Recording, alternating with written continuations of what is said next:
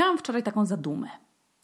I może zaduma nie jest za dobrym słowem, bo raczej miałam takie zacięcie mózgu, bo intensywnie myślałam i myślałam i jednocześnie robiłam komuś na wynos sałatkę z kurczakiem w sosie barbecue i tak na maksa byłam skupiona na myśleniu, jak pocieszyć przyjaciółkę.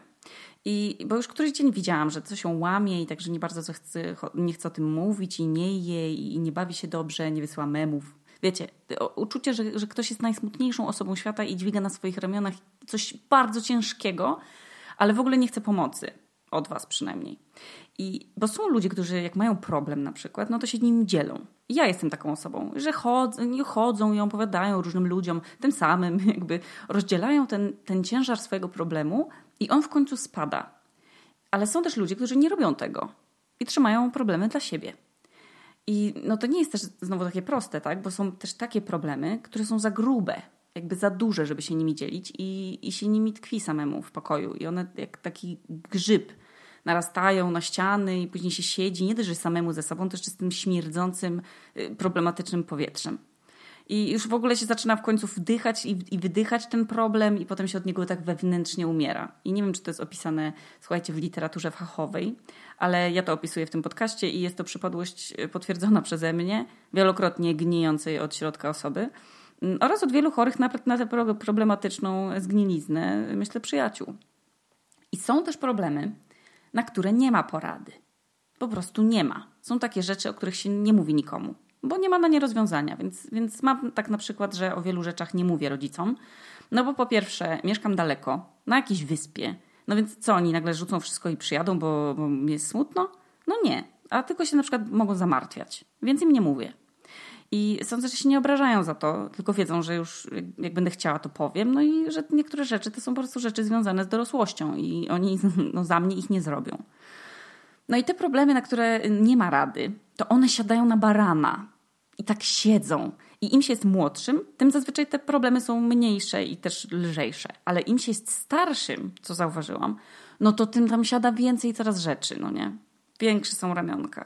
I mało tego, czasem te barany na, na plecach siadają już w dzieciństwie. I absolutnie nie chcą schodzić i nami dyrygują. I czasem myślisz, jak to jest w ogóle możliwe, że ja od lat no cały czas to dźwigam i na bank już nic więcej nie uniosę. I słuchajcie, ja się nie znam na fizyce, jak już mówiłam, ale jakimś szalonym sposobem ten baran na plecach, on, on wpuszcza i, i znajduje miejsce dla jeszcze jednego, jeszcze jednego i się ich robi jakaś w ogóle, no cała baranina na plecach, taka zgraja. Jak to jest możliwe, że, że na drzwiach w Titaniku zmieściła się tylko ta typiara, a, na, na plecach człowieka się mieści 100 baranów? No. Jak do tego doszło? Nie wiem. Ale jakiś czas temu miałam na swoich plecach całe mnóstwo tych baranów i, i aż kompletnie sobie z tym nie radziłam. I co oddawałam jeden, to wskakiwał nowy i musiałam się z tymi baranami użerać sama, a one jeszcze dodatkowo rosły. I, I było tak, że mogłam jakieś tam niektóre komuś oddać i ten ktoś sobie z nimi dawał radę i one znikały, ale niektóre barany musiałam zanieść do Teda. I one tam za każdym razem, jak ja do niego idę, to one tam kurwa nadal siedzą. I ja już przywykłam do nich nawet. Ale to, że to, że ja nie zdjęłam z siebie, ale nadal mam z nimi kontakt, no to, to nie jest do końca zdrowe. Ale walka z tymi baranami nadal trwa. Ale nie ma na nie rady, słuchajcie. I są dwa przemyślenia, którymi dzisiaj się z Wami chcę podzielić. Jedno mi sprowokowała Mira, wysyłając mi jakieś tam wideo o marzeniach czy tam o planach, a drugie wyszło w ogóle po prostu no z życia. I nad moimi przyjaciółmi, nad, nad tymi moimi e, przemyśleniami nad sałatką barbecue. Bo ja się w głowie głowiłam nad tym, po prostu już mi pękała czaszka, jak pocieszyć tę przyjaciółkę. Bo widziałam, że od swoich baranów już się ugina, no. I już jej kolanka drżą. I jeszcze jeden wskoczy i będzie po sprawie. I ja już stawałam na rzęsach, a to ją chciałam wyciągnąć gdzieś do kina. Proponowałam jakieś jedzenie, zabawiałam żartami, memami, tam dopytywałam, jak zabrać chociaż jeden z niej problem. I nic. I ona po prostu mówiła, że jest jej źle i że nic nie da się na to poradzić. A ja słuchaj, się zapierałam i mówię, no na pewno, no jestem wspaniała w rozwiązywaniu problemów innych ludzi, tylko nie swoich. Ja mam na wszystko jakąś złotą radę, jak stara babcia. Tylko, że nie na wszystko są złote rady. I ostatnio kilku moich przyjaciół i znajomych przyznało mi się, że, że jest im bardzo ciężko i że mają depresję na przykład. I że są rzeczy, które przetłaczają ich, no, że mają lęki, że szukają profesjonalnej pomocy i że są rzeczy, które utrudniają im codzienne wstawanie i, i pracowanie no i funkcjonowanie. I ja sama to przeszłam. I wcześniej nie traktowałam depresji albo stan, stanów lękowych aż tak poważnie, że aż trzeba brać leki i się leczyć. Ale w momencie, kiedy poczułam, co to znaczy i że nie ma na to tabletki, że bierzesz i od razu przechodzi, tylko najpierw jest jeszcze gorzej i jeszcze, jeszcze bardziej trzeba się przeczołgać, bo trzeba się zmierzyć z tymi wszystkimi ludźmi, którzy chcą cię pocieszyć. I najpierw oni negują w ogóle twój stan. I mówią, że to w ogóle dlatego i dlatego, mm, bo za dużo pracujesz, bo masz za dużo stresów, bo nie uprawiasz sportów, bo masz za mało słońca. Kurwa, no gdyby depresja wynikała z braku słońca, to to by było takie proste. Proszę bardzo, recepta. Wszyscy ludzie w ciepłych krajach w ogóle by nie chorowali na depresję. Depresji w ogóle by nie miało się w lato. Jak ja bym chciała, żeby zamiast leków refundowano na przykład loty do Egiptu, żeby się nałykać witaminy D. No to, to nie jest takie proste. Więc najpierw trzeba być samemu i czuć tę najfatalniejszą samotność. Bo nie da się nikomu tego cierpienia oddać. Nie da się z nikim podzielić tą beznadzieją i tym brakiem sensu i tym ciężarem, który jest w każdym mięśniu ciała. To jest fizyczny ból. Wszystkie mięśnie spięte, mimo ciągłego snu i, i, i nie wiem, starania się, żeby ten swój stan zmienić. I nie mówię, że tak jest u każdego, no bo depresja ma wiele twarzy i u każdego wygląda inaczej. Niektórzy potrafią na przykład z takim ciężarem e, na plecach chodzić długo. I nie, nie, nie muszą tego nazywać, nie mają takiej potrzeby. I to jest ten etap samotności, że nie możesz nikomu powiedzieć, w co ty się wplątałeś, albo co się wydarzyło, albo nic się może nie wydarzyło. Może, może nic się nie wydarzyło i ty wiesz, że możesz być super szczęśliwy, bo masz wszystko. Masz pracę, masz dom, masz rodzinę, przyjaciół. Przecież nawet e, gwiazdy i celebryci, którzy mają masę siana i oni też mają i przyjaciół i w ogóle otoczeni są wszystkim, że oni też mają depresję. I nagle przychodzi ten niewyobrażalny smutek i ten lęk i to osamotnienie i wszyscy nagle chcą ci pomóc. Tak jak ja właśnie mojej przyjaciółce i moi przyjaciele, kiedy widzieli, że mi jest źle. I wtedy padają właśnie te wszystkie słowa, które tylko pogarszają sytuację. Że to minie, albo że idź pobiegać, albo że za dużo, albo że za mało pracujesz, albo że to przez rozstanie, albo przez złą dietę, no cokolwiek. To są ci wszyscy ludzie, i w tym ja ostatnio, którzy chcą ci pomóc. I do najpopularniejszych form pomocy należy takie zamęczanie propozycjami – Czyli, żeby iść na imprezę, albo do kina, albo na przykład na jedzenie, choć pójdziemy, albo coś tam sobie obejrzeć, albo ciasto może zrobię, może coś, coś miłego ci kupię, ale to tak nie działa. I później druga opcja to jest, że przychodzi słowotok, czyli pisanie albo mówienie, żeby zagłuszyć tę ciszę tej drugiej strony. I gdy wszystkie te metody pocieszenia nie zadziałają, no to pojawia się bezradność i takie zniecierpliwienie tą, tą smutną kulką, która zostaje z naszej przyjaciółki czy przyjaciela, no ktokolwiek. Bo nic się nie da zrobić i wszystko już zostało powiedziane i zaproponowane, no i nic. I ten smutek w końcu przez to też przechodzi na ciebie. I te wszystkie rzeczy, właśnie te wszystkie rzeczy robi się z empatii, ale niestety, i to jest ta moja myśl, że trochę też z jej braku. No bo przecież broni się właśnie tymi wszystkimi rzeczami przed smutną prawdą, że nie mamy na nic wpływu i że jesteśmy bezradni. A ja się nie lubię czuć bezradna.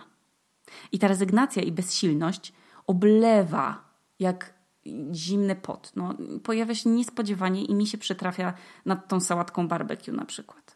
Bo mnie olśniło i przeleciał mi przez głowę taki flashback, że takie déjà vu związane z tym, z tym współodczuwaniem czyjegoś smutku. No bo ta moja tarcza i to egoistyczne zasłanianie się tym parasolem tych porad, no ta tarcza nie pomogła. I oblał mnie ten smutek i mnie oblała właśnie ta myśl, że przecież ja sama, w tym, w tym swoim osobistym cierpieniu, ja nie chciałam, żeby mnie ktoś zabawiał i pocieszał. Bo te porady nie pomagały i sprawiały, że czułam się jeszcze bardziej jak problem. Nienawidzę tego uczucia. I, i wtedy walczę z tym moim baranem, tym, to jest baran bycia problemem dla wielu ludzi, już wiele sesji. A ja się nadal nim czuję. I ta masa słów, że to może, może to, może tamto, wszyscy się dla ciebie starają, a ty nadal czujesz ten fatalny smutek ten wirus w mózgu. I na te twoje plecy wskakuje kolejny baran, który dodatkowo w ogóle buja tą, tą całą baranią kolekcją. To jest baran, który wynika z frustracji, że zawodzimy tych naszych przyjaciół i tych wszystkich, którzy chcą nas zabawiać i pocieszać. Bo to nie działa. I musicie się zmuszać no, i robić dobrą minę do, do złej gry. I ja nie chciałam wysłuchiwać tego wszystkiego, a jeszcze dodatkowo czułam się koszmarnie problematyczną dla, dla innych ludzi jakąś płaczką, pierdą taką życiową. Nieważne, czy ktoś się zmaga ze smutkiem po stracie, czy ze smutkiem depresji, czy w ogóle ze smutkiem po prostu. Jest tylko jedna, jedyna rzecz, którą można dla tej osoby zrobić. Odpierdolić się. I po prostu zaakceptować fakt, że komuś jest źle. I jest to dla nas paskudnie niewygodne. No nie ma co ukrywać. Jest fajnie, jak są tylko igraszki. I się śmieszkuje, i wszystkim jest dobrze, a jak jest źle, no to obojgu jednocześnie tylko, żeby było. I wtedy można sobie wysyłać na przykład smutne piosenki. Ale my tymi wszystkimi rozwiązaniami dla tej drugiej osoby, wysyłanymi i, i, i wypowiadanymi, my chcemy pomóc tylko sobie. W ogóle nie temu, komu jest ciężko, tylko sobie, bo nam jest niewygodnie z patrzeniem na ten smutek. Jedyną pomocą, jaką możemy zrobić, to jest po prostu zaakceptować fakt, że komuś jest źle. Zaakceptować jego smutek i jego trudne chwile i jego cierpienie. Jest to jedna z najtrudniejszych rzeczy, z jakimi mi się przyszło zmagać dotychczas. Nie tylko ze swoją depresją, ale też z obserwowaniem depresji bliskich mi osób. I to jest dopiero próba człowieczeństwa i tego, czy jest się dobrym przyjacielem i partnerem. I jest to kurwa tak trudne, że są problemy, których nie, rozwiążu- no, nie, rozwiążemy tego. Czas, którego my nie przyspieszymy. I to, że nam jest niewygodnie oglądać, jak inni cierpią i czekać na ich powrót do zdrowia i do względ, takiej względnej normalności, to jest niespoko. A jedyne, co trzeba zrobić, żeby zdjąć barana z pleców i sobie, i tej smutnej osobie, to trzeba po prostu zaakceptować to, że oni cierpią i że mają do tego prawo. I każdy z nas ma prawo do odczuwania wszystkich emocji. I ja sobie też sama daję prawo do tego, że czasem jak wstaję lewą nogą, to się ładnie tak nazywa, że lewą nogą, ale ja to nazywam po imieniu, że się budzę wkurwiona. I nikt mi złego nic nie zrobił. Może nawet się wyspałam, nie miałam żadnego koszmaru, ale budzę się taka, że, no, że z kijem nie podchodź. Bo, bo ja mam coś większego niż kij i to jest moje marudzenie i narzekanie i zaczepialstwo. I, I do wszystkiego się przypierdolę. I daję sobie to prawo do przeżywania tego gównianego dnia. Długo mi zajęło dorośnięcie do tego, że czasem tak jest, no. Jakby poddanie się temu, nie, nie walka z takim humorem i na siłę udawanie uśmiechu przed innymi. Więc skoro sama sobie daje prawo do tego smutku i do złości i do zmęczenia i do przeżywania tego wewnętrznego piekła, jakim jest depresja na przykład, czy strata, czy po prostu ból złamanego serca, to czemu tak ciężko mi zaakceptować to u innych? Że, oni też przecież mogą to wszystko czuć. No i oczywiście tu jest też kwestia tego, że obserwowanie cierpienia bliskich osób jest potworne, no bo nie mamy na nie wpływu. Bo byśmy chcieli zabrać to z nich i, i na siebie przełożyć, albo chociaż, żeby było porówno. I wynika to z empatii, ale też z tego, że po prostu to jest dla nas, jak już mówiłam, niewygodne. I jak się z tym czuję, z tym odkryciem? Beznadziejnie. Nawet nie wiecie, jak beznadziejnie i jak ciężko mi się było do tego w ogóle samej przyznać. Poczułam się jak najgorsza przyjaciółka świata. Ale towarzyszenie komuś w smutku, nawet no, gdy u ciebie jest dobrze, gdy ty masz wspaniały humor i, i musisz z czegoś zrezygnować, to jest miara prawdziwej przyjaźni. I ja się nie mówię o umartwianiu i toksycznym przenoszeniu na siebie czyjegoś cierpienia, tylko mówię o właśnie tej obecności. O obecności, która jest w danym momencie wyjątkowo dla nas trudna. I ja już raz popełniłam taki błąd. I będąc w szczycie swojego zakochania, nie byłam obecna przy przyjaciółce, kiedy ona cierpiała najbardziej na świecie, bo miała złamane serce. I ja nie zauważałam tego wtedy. Znaczy, zauważałam, ale byłam tak zaślepiona swoimi uczuciami i, i, i mój mózg w ogóle pracował na zupełnie innych obrotach, że nie dałam jej tego wsparcia, którego ona potrzebowała. I strasznie tego żałuję. I, że to jest, I to jest jedna z rzeczy, z którymi się czuję obrzydliwie i to, będzie, i to będzie mi towarzyszyło. Bo czasu się nie da cofnąć.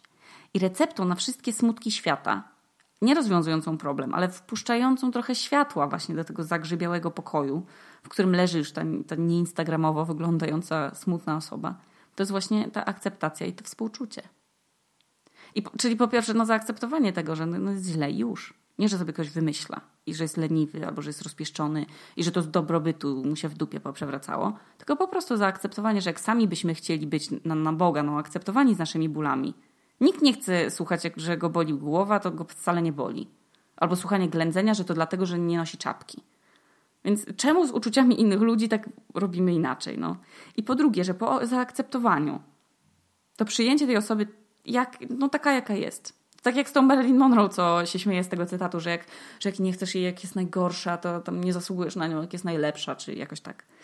Że to jest miara prawdziwej przyjaźni i miłości. Czekanie, słuchanie, milczenie i nie zapełnianie tej ciszy własnym pierdoleniem z poradami i żarcikami. Jak jest smutno, to jest smutno. Jak będzie wesoło, no to, to przyjdzie czas i będzie wtedy. Wtedy się będzie żartować. A teraz po prostu musi być źle. Z igraszek przychodzą płaczki. I w tych płaczkach trzeba po prostu być. A co do przyjaźni jeszcze, mam drugie przemyślenie. To przemyślenie mnie naszło jeszcze innym w ogóle razem. Jak wycierałam się dzisiaj po prysznicu. Niesamowite w ogóle, jakie, kiedy myśli przychodzą do głowy. Skąd to się w ogóle bierze? No ale o czym myślałam? Powiedziałam o tym, teraz was, was zmiażdżę patosem i pytanie brzmi, czy przyjaźń ma datę ważności? I oczywiście pierwszy odruch, tak bez zastanowienia się, to oczywiście, że ma, no bo jak się o przyjaźń nie dba, jak się jej nie utrzymuje, to przyjaźń ginie. I, i to jest taka prawda, którą się słyszy często.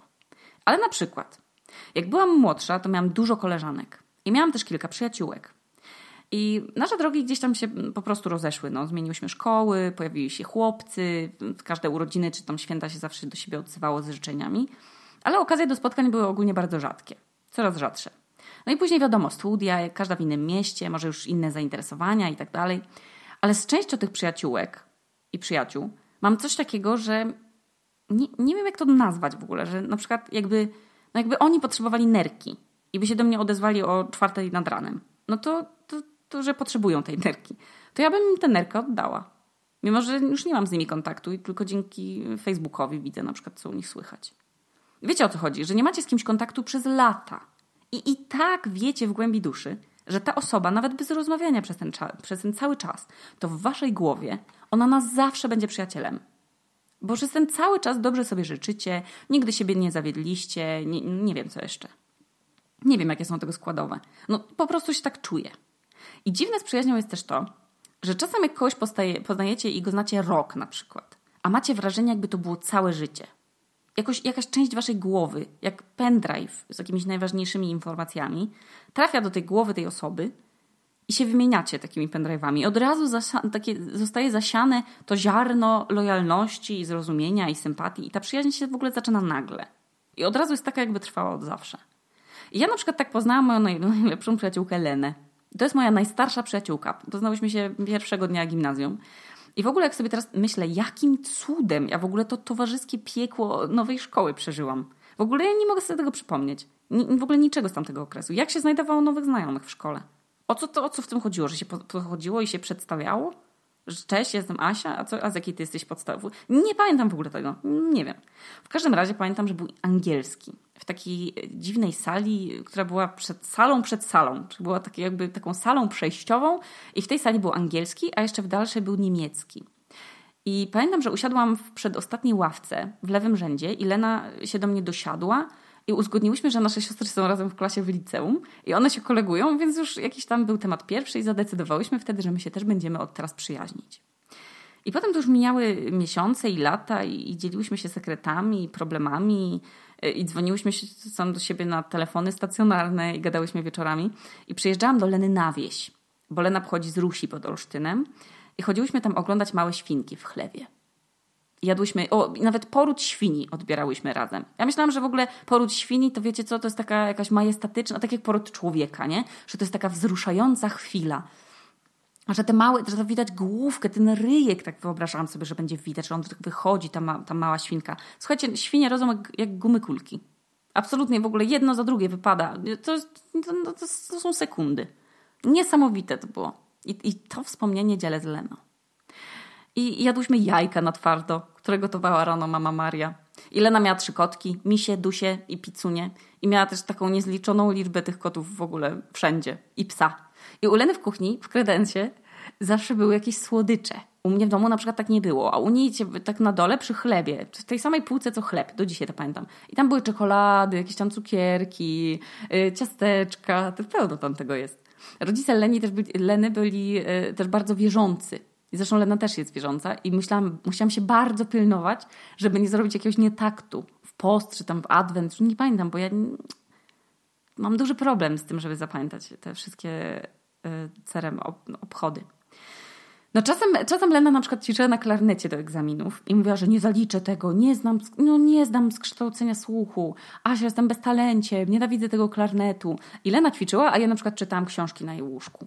I tu wtrącę, że teraz Lena jest prawdziwym muzykiem i utrzymuje się z muzyki i jeździ bez przerwy grać koncerty i zwiedza świat. I na przykład pytam, ej, tam widzimy się wtedy i wtedy, a ona na to, jadę do obozów uchodźczych, uczyć dzieci grać. Albo na przykład, że gram wtedy koncert na stadionie narodowym. Albo, że jestem w Pakistanie. Albo, że oddzwonię po weekendzie, bo wydajemy nową płytę. Czajcie to? A wcześniej mówiła, że nie zda z czegoś. Lena do 18 roku życia w ogóle nie piła alkoholu.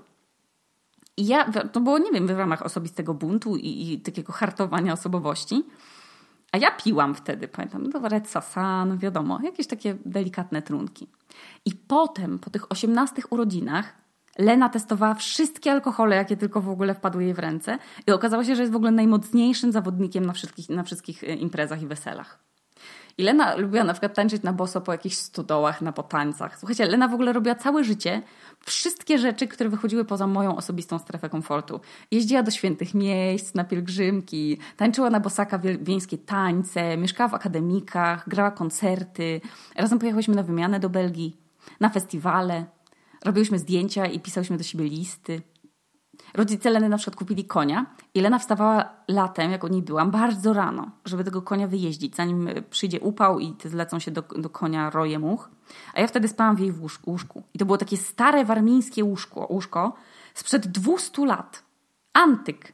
Zawsze się zastanawiałam, ile osób w tym łóżku zostało poczętych i ile zmarło. I spałyśmy w nim zawsze we dwie, jak dwie krewetki. Mimo, mimo tego w ogóle, że Leny dom był ogromny i były tam chyba za cztery pokoje gościnne. Ale i tak spałyśmy razem. I za oknem było słychać świnie w chlewiku i ptaki i tego psa jak szczekał. I do dziś Ruś jest dla mnie takim miejscem, że gdy myślę, gdzie bym najbardziej chciała teraz pojechać na relaks i tak w ogóle się odciąć od wszystkiego, to nie byłby to jakiś modny kurort spa, ani fancy domki na drzewach, czy tam jakieś siedliska eko, tylko dom, rodzi dom rodzinny Leny. I leżenie przed telewizorem w pokoju pełnym świeżego prania i jedzenie czekolady Milka z tej, z, tego, z tej komody. I to były czasy, kiedy można było jeść wszystko i się nie tyło. To było 14 lat temu, bo tyle się przyjaźnie z Leną. Najpiękniejsze czasy bez troski. Kiedy naszym jedynym obowiązkiem było w ogóle tylko nauczyć się na sprawdzian. To są wspaniałe wspomnienia. I mam z tego, z tego okresu też wiele zdjęć, no bo otwierałyśmy szafę gdzie była cała masa dziwnych ubrań ze strychu i wszystkie były piękne i wyjątkowe i się przebierałyśmy jak dziwadła i szłyśmy do lasu robić artystyczne zdjęcia. Albo pływałyśmy w rzece albo obserwowałyśmy sarny. I czasem jak nasypało śniegu, to do Leny się nie dało dojechać. I mój tata nienawidził tam mnie zawozić czasem, bo tam było tyle tych hałd, tych, tego śniegu, że zawsze on się bał, że sobie urwie podwozie od samochodu. Prawie jak na Islandii. I włosy od wody tam pod prysznicem w jej domu były takie miękkie, słuchajcie. Ta woda była tam tak wspaniała. One były od razu lśniące, bez żadnych odżywek. I Lena miała dwie starsze siostry i one czasem były w Rusi. I potem ta najstarsza Leny siostra, Ania, urodziła dziecko. I w domu się zrobiło jeszcze przytulniej. I przyjeżdżałam do Leny, kiedy tylko się dało i pomieszkiwałam w jej domu w ogóle ile wlazło. I tęskniłam wtedy za moim pierwszym chłopakiem i denerwowałam się, jak mi nie odpuścił sygnału na telefon. Szczura tak zwanego. I potem z Leną poszłyśmy razem do liceum. I nic się nie zmieniło. I poznałyśmy tam Stefę i Kalinę, Pawła w sensie i Ule. I od tamtej pory stanowimy taką nierozłączną czwórkę nie rozłączą nazwie, no bo w nazwie, bo każdy z nas mieszka w innym mieście, jesteśmy rozbici na trzy kraje. A mimo wszystko przy każdy, absolutnie no przy każdej okazji się wszyscy widzimy. I to są przewspaniałe spotkania, bo nic się nie zmienia. Jest absolutnie tak samo, jakby nie było tego dystansu. Nawet jakbyśmy ze sobą nie rozmawiali kilka miesięcy, to i tak wiemy, co u nas słychać. Bo jest właśnie ta dziwna więź, która nie umiera. Że się staliśmy dla siebie taką drugą rodziną. Wiecie, jak się z kimś znacie wiele lat, albo przeżywacie z nim swój najintensywniejszy okres, taki okres w życiu, w którym już naprawdę no nie rodzice, tylko bardziej znajomi kształtują to, jacy jesteście. I jak to dorastanie przypada na świetnych ludzi, to jest to błogosławieństwo. I ja tak miałam. I te trzy osoby, z którymi przechodziłam przez te najtrudniejsze momenty swojego życia, od zdawania pierwszych egzaminów, pierwsze rozstanie z chłopakiem, pierwsze zakochanie, śmierć bliskich osób, to są pierwsze problemy, na które nie zna się rozwiązań. I to, jaka jestem teraz, zawdzięczam właśnie im, bo to oni pamiętają mnie jako taką odkrywającą siebie nastolatkę i ja pamiętam ich takich samych. I pamiętam, jak Uli tata dał jej pieniądze na nowe spodnie, ale zakazał kupować spodni z krokiem takim niskim, bo takie Stefana najbardziej lubiła. No i ona kolejny raz wróciła oczywiście za te pieniądze, co on jej dał. Kupiła sobie takie spodnie z niskim krokiem i on je, on je spalił w piecu, wrzucił je do kominka. I pamiętam pierwsze zakochanie Kaliny, Pamiętam, jak Lena się zakochała w takim kolesiu w gimnazjum i my go nazywaliśmy Obi, bo on wyglądał jak Obi-Wan Kenobi. I pamiętam, już bez Leny, bo Lena nie paliła papierosów, jak się na wycieczce w liceum do oceanarium schowaliśmy za taką stacją benzynową, żeby zapalić szluga. I się okazało, że ta pani od biologii, nazywana przez nas mało pieszczotliwie, to ona w środku w tej stacji i to są szyby lustra weneckie i totalnie nas widać przez szybę, jak palimy i ona zrobiła nam zdjęcia. Jezu, i pamiętam te wszystkie głupie sytuacje, przez które przechodziliśmy i te czasy, kiedy mieszkaliśmy z rodzicami i wszystkie nasze egzaminy, porażki na studiach, porażki miłosne. Pamiętam, jak z moją przyjaciółką Ann chodziłyśmy na długie takie bezcelowe spacery, żeby tylko nie siedzieć w domu. I gdybyśmy miały wtedy włączone Endomondo, to łącznie w okresie nastoletnim pewnie przeszłyśmy jakieś 5 milionów kilometrów. To samo z Judytą. I robiliśmy zdjęcia, i pisałyśmy listy, i czytałyśmy wiersze. Ja bym chciała mieć takie dziecko jak my. Bo mimo tego buntowniczego okresu, no my byłyśmy mega wrażliwe i, i mądre i, i wspierające. I mimo niechęci do szkoły bardzo byłyśmy ambitne. I wszystkie wyszłyśmy na dobrych ludzi. I pamiętam, jak z Moniką chodziłyśmy na wagary i tata miał kolekcję milionów filmów i oglądałyśmy te filmy jak szalone, bo to był najintensywniejszy mój życiowo moment kinematograficzny. I oglądałam filmy bez przerwy. I jak ta sama Monika też miała szczura, ja też chciałam na maksa przez to mieć szczura. I Monia mi dała klatkę i kupiłam szczura za 20 zł z kieszonkowego i spytałam rodziców, czy ten szczur może u nas y, pomieszkać, no bo ona wyjeżdża. No i oczywiście to było kłamstwo. A, a ten szczur żył u nas jakieś 3 lata. I nauczyłam go sztuczek i reagowania na imię. I kochałam tego szczura. I też pamiętam, jak kaczuszka, moja Jelena przyjaciółka, wypalała nam na płytach składanki z muzyką. I tam była Soko, y, Arctic Monkeys, Soleil i Pete Doherty. I ja do dzisiaj słucham tych artystów. I Gosia, no w sumie tymi płytami ukształtowała mój gust muzyczny. Y, na równi z dyskami tymi od duńskiego chłopaka mojej siostry. I z tymi wszystkimi ludźmi, nie tylko, mimo że ja już nie mam na co dzień kontaktu, to mogłabym chwycić za telefon i zadzwonić i powiedzieć, że będę za 15 minut i ja wiem, że oni by mnie ogłościli. I nadal byśmy rozmawiali, jakbyśmy byli w gimnazjum czy w liceum. I z czego to wynika? Jak to jest możliwe? Czemu, czemu z jednymi osobami przyjaźń tak wrasta głęboko, obustronnie, że, że żaden czas i żaden dystans tej przyjaźni nie ucinają? Że mimo, że każdy już przecież idzie własną drogą i się zmienia, i dojrzewa, i ewoluuje. I czemu z niektórymi ta przyjaźń się wygasza? Czy to właśnie dlatego, że ci ludzie, sami nie wiedząc w gimnazjum czy tam w liceum, jakich porad udzielać, i czym się wesprzeć, gdy nam było smutno, to po prostu byli właśnie ze mną w sensie. Nikt nie stara się być mądrzejszy. I było z góry założenie. Dorastanie jest chujowe. Rodzice, szkoła, zakochania, zerwania, gnębienie w szkole, pryszcze, rozwody rodziców. Wszystkie problemy były, po prostu były i tyle, no. Nikt nie chciał siebie nawzajem podnosić na duchu, tylko każdy z nas miał równo hormonami przejebane. I po prostu się siebie wysłuchiwało. I się było codziennie obok siebie szkole, po szkole, w wakacje i w ogóle nie staraliśmy się siebie nawzajem podnosić na duchu, bo nie mieliśmy żadnej wiedzy, żadnego w ogóle porównania, co się mówi w danych sytuacjach. Więc mogliśmy po prostu przy sobie być no, i, i po prostu to rozumieć. Świadkiem mojej pierwszej depresji w życiu była Lena. I co ona mogła zrobić? Mieliśmy 14 lat. Po prostu mogła być. I była. No i tyle chyba. Więc w przyjaźni chyba chodzi o to, żeby być. Ale, pato, ale patos, słuchajcie. Okuniewska, sentymentalnie dziś w piwniczce w Reykjaviku. A to był chyba, to był chyba odcinek o przyjaźni.